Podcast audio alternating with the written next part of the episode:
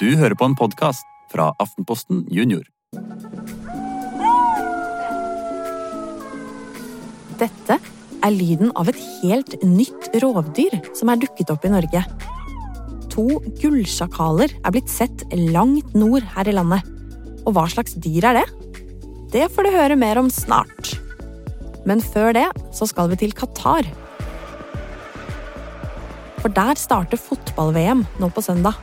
Men i år så er det mange fotballsupportere og eksperter som sier at de ikke vil se på VM pga. ting som skjer i landet der VM er. I dag skal vi også snakke om noe litt alvorlig. Flere tusen barn opplever hvert år at en forelder får kreft og blir veldig syk. Det opplevde åtte år gamle Just, og i denne episoden så forteller han oss litt om hvordan det var. Og er du en quizmester? Det kan du som vanlig få teste ut på slutten, for da blir det spørsmål fra denne episoden. Så følg godt med hvis du har lyst til å prøve å vinne en premie. Velkommen til en ny episode av Forklart junior. Jeg heter Kari Mette Hole.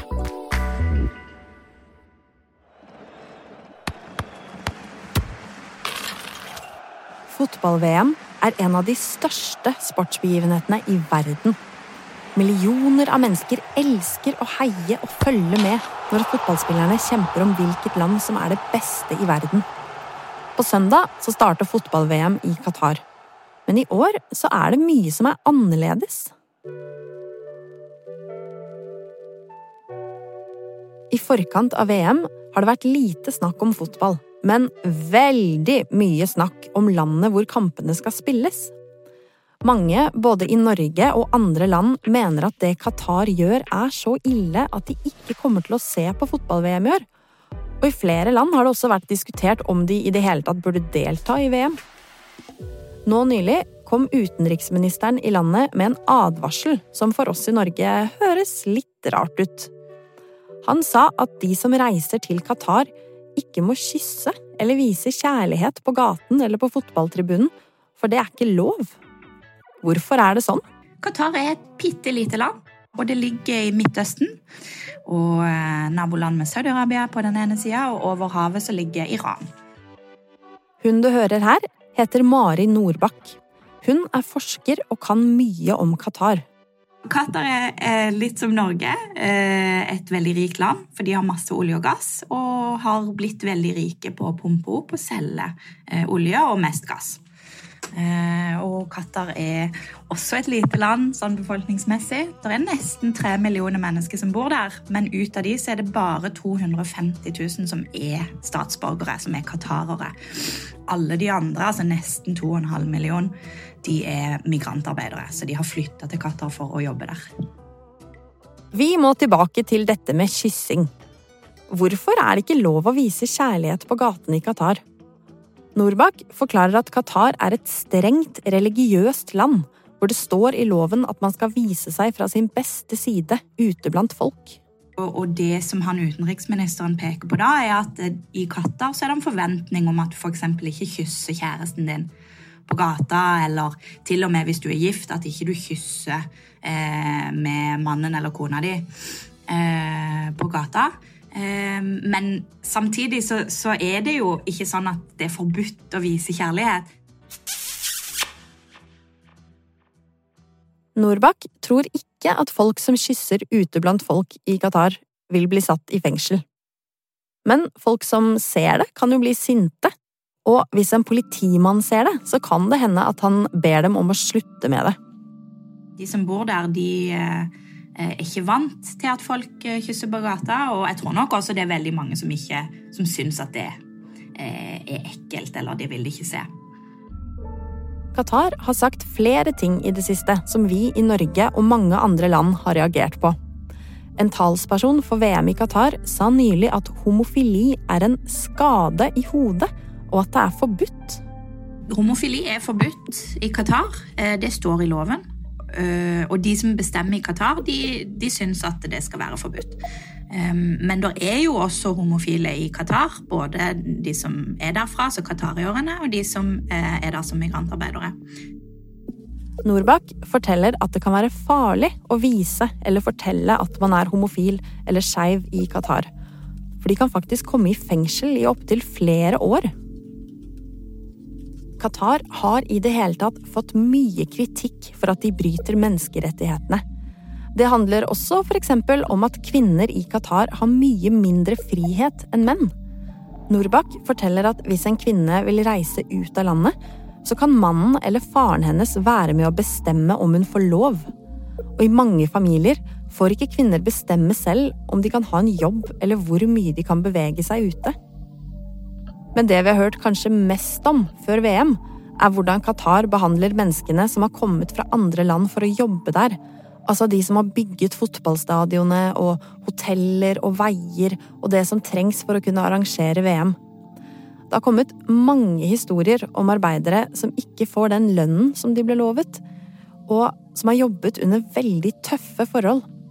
Flere har også dødd. Og på grunn av alle disse tingene så er det mange som sier at de ikke kommer til å se på VM i år.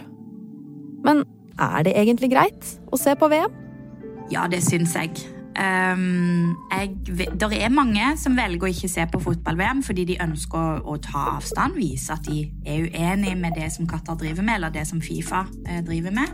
Eh, men hvis det er barn i Norge som liker fotball og har lyst til å se på fotball, så syns jeg de skal se på fotball. Også fordi at selv om det er mange i Qatar som, eh, har, det, som har kjipe arbeidsforhold, så er det også veldig mange i Qatar som er veldig stolte av det de har bygga og som gleder seg veldig til eh, at hele verden skal se på eh, fotball-VM.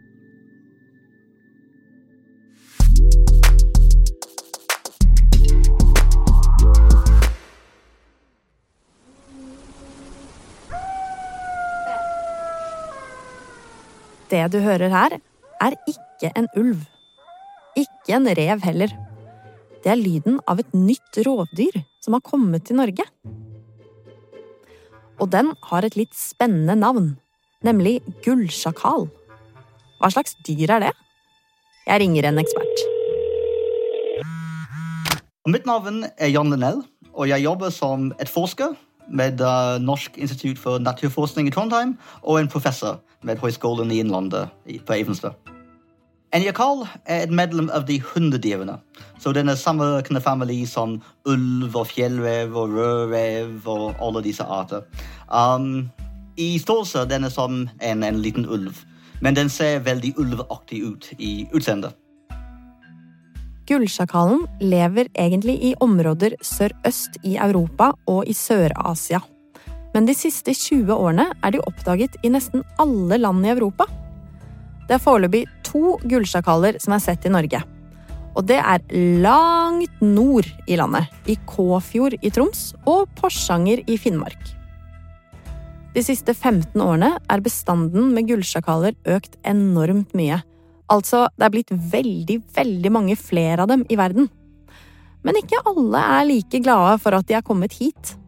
For gullsjakalen er i slekt med ulv. Og både sauebønder og folk som driver med reindrift, har sagt at de er bekymret for at gullsjakalen skal bli boende her, og at det skal bli flere. Fordi de kan true eller skade sauer og reinsdyr. Noen som driver med reinsdyr, har til og med gått ut og sagt at vi bør skyte gullsjakalen, ifølge NRK. Men det er ikke lov, svarer Statens naturoppsyn.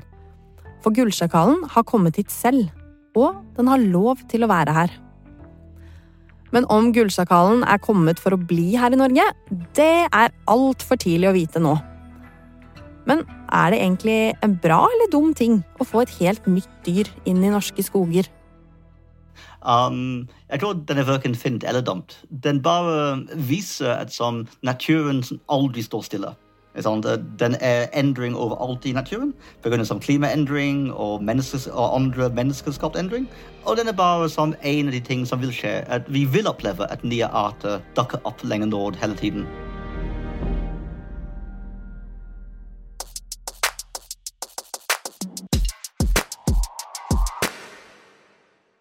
Kreft er et ganske skummelt ord. Hvert år opplever nesten 6000 barn i Norge at en av foreldrene får kreft. Og en av dem er åtte år gamle Just fra Drøbak. Jeg husker at eh, vi satt ved spisebordet og um, fortalte mamma oss det, da. Hva sa hun da? Hun sa at hun hadde fått kreft. Hva mer sa hun om det? Visste du på en måte hva det var, eller forklarte hun noe om hva det var? Jeg visste hva det var, men jeg var redd for at hun skulle dø. I mai i år fikk moren til Just brystkreft. Det er en av de vanligste typene kreft som kvinner får. Du har kanskje sett at mange fester en liten rosa sløyfe på brystet? Den rosa sløyfen viser at man støtter de som blir rammet av brystkreft.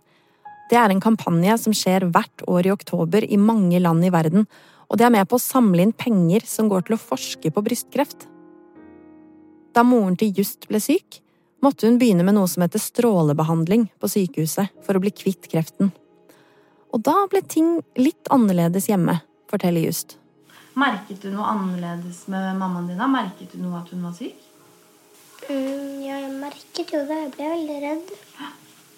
Mm, Hun var veldig sliten og Jeg var veldig mye på sykehuset. Kunne du fortsatt ha med venner hjem som du pleide da? Ja. Men vi måtte være litt rolige. Just forteller at lærerne hans fikk beskjed om at moren hans var blitt syk, og at eh, det kunne hende at Just ville være litt mer lei seg på skolen. Men Just sier at han var ikke lei seg eller tenkte på det hele tiden. Når er det du tenkte på da, tror du? Jeg tror det er mest på kvelden. Tenkte på liksom, siden på kvelden tenker jeg litt på sånne skumle ting, da. Jeg var redd for at hun skulle dø da, liksom på kvelden. Det kom liksom, dette er jo liksom den skumleste delen av liksom hele tiden, da. Just sier at det beste rådet han har når man er trist eller redd, det er å prøve å tenke på noe som gjør deg glad. Og heldigvis så ble moren til Just frisk. For to måneder siden så var hun ferdig i behandling. Og da feiret familien med godteri og film hjemme. Og det var nesten litt som julaften, forteller Just. Nå er han ikke redd lenger. Og det er litt av grunnen til at han hadde lyst til å gjøre dette intervjuet. For å gi håp til andre barn som opplever at noen de kjenner, får kreft. Jeg veit ikke. Jeg hadde lyst til å gjøre sånn at barn følte seg trygge. Det er veldig vanlig at barn blir redde når en forelder blir syk. For da er det mye som blir annerledes. Eh, noen som får kreft, vil jo på ulike måter kunne endre litt utseendet sitt. Enten at man eh, kan miste håret, f.eks., eller at man kan rett og slett se litt bleikere ut. Ikke være solbrun og gyllen som man er vant til på sommeren, men kanskje hele året rundt være litt mer eh, sliten i ansiktet sitt. Noen vil gå litt ned i vekt og se litt annerledes ut enn man er vant til. Og da er det naturlig at man som barn også kan bli litt bekymra og tenke at eh, her er det noe galt med eh, mamma eller pappa, eller ja, legge merke til at de er ikke helt seg sjøl. Dette er Martine Hareide. Hun er kreftsykepleier og jobber som rådgiver i Kreftforeningen. Hun sier at det er viktig at barn snakker med foreldrene sine og stiller spørsmål om alt de lurer på. Det kan også være lurt å prøve å bestemme seg for å bare tenke på de vanskelige tingene én gang om dagen. For eksempel i et kvarter når man har kommet hjem fra skolen og er sammen med foreldrene sine. Og resten av døgnet, da kan man si til de skumle tankene at de må komme tilbake senere. Og det er også viktig å huske på at ofte så går det bra. Det er jo tre av fire overleves i kreftdiagnose i dag. Så det vil si at det, mange kan leve med kreft uten å dø av det.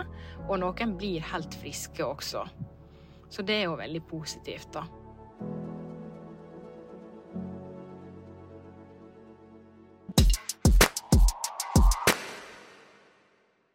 Nå synes jeg det er på tide med en quiz. Har du fulgt godt med i dag? Nå skal du få tre spørsmål av meg som du kan prøve å svare på. Og husk at du kan trykke på pause eller spole tilbake hvis du trenger å tenke litt. Ok, her kommer spørsmålene. Første spørsmål. I hvilket land er fotball-VM i år? Hmm. Spørsmål to. Hva heter det nye rovdyret som har dukket opp i Norge? Siste spørsmål. Hvilken type kreft viser man støtte til om man har på seg en rosa sløyfe? Visste du disse svarene? Da kan du være med i trekningen om å vinne en premie. Så send inn svarene dine på en e-post til post krøllalfa aftenpostenjunior.no. Og den som vant quizen i forrige uke, det er ti år gamle Lauritz fra Lillesand. Gratulerer! Takk for at du hørte på Forklart junior. Vi høres igjen neste uke. Ha det bra! Podkasten er produsert av Truls Rokiki og Filt. Jeg heter Kari Mette Hole, og Mari Midtstigen er vår ansvarlige redaktør.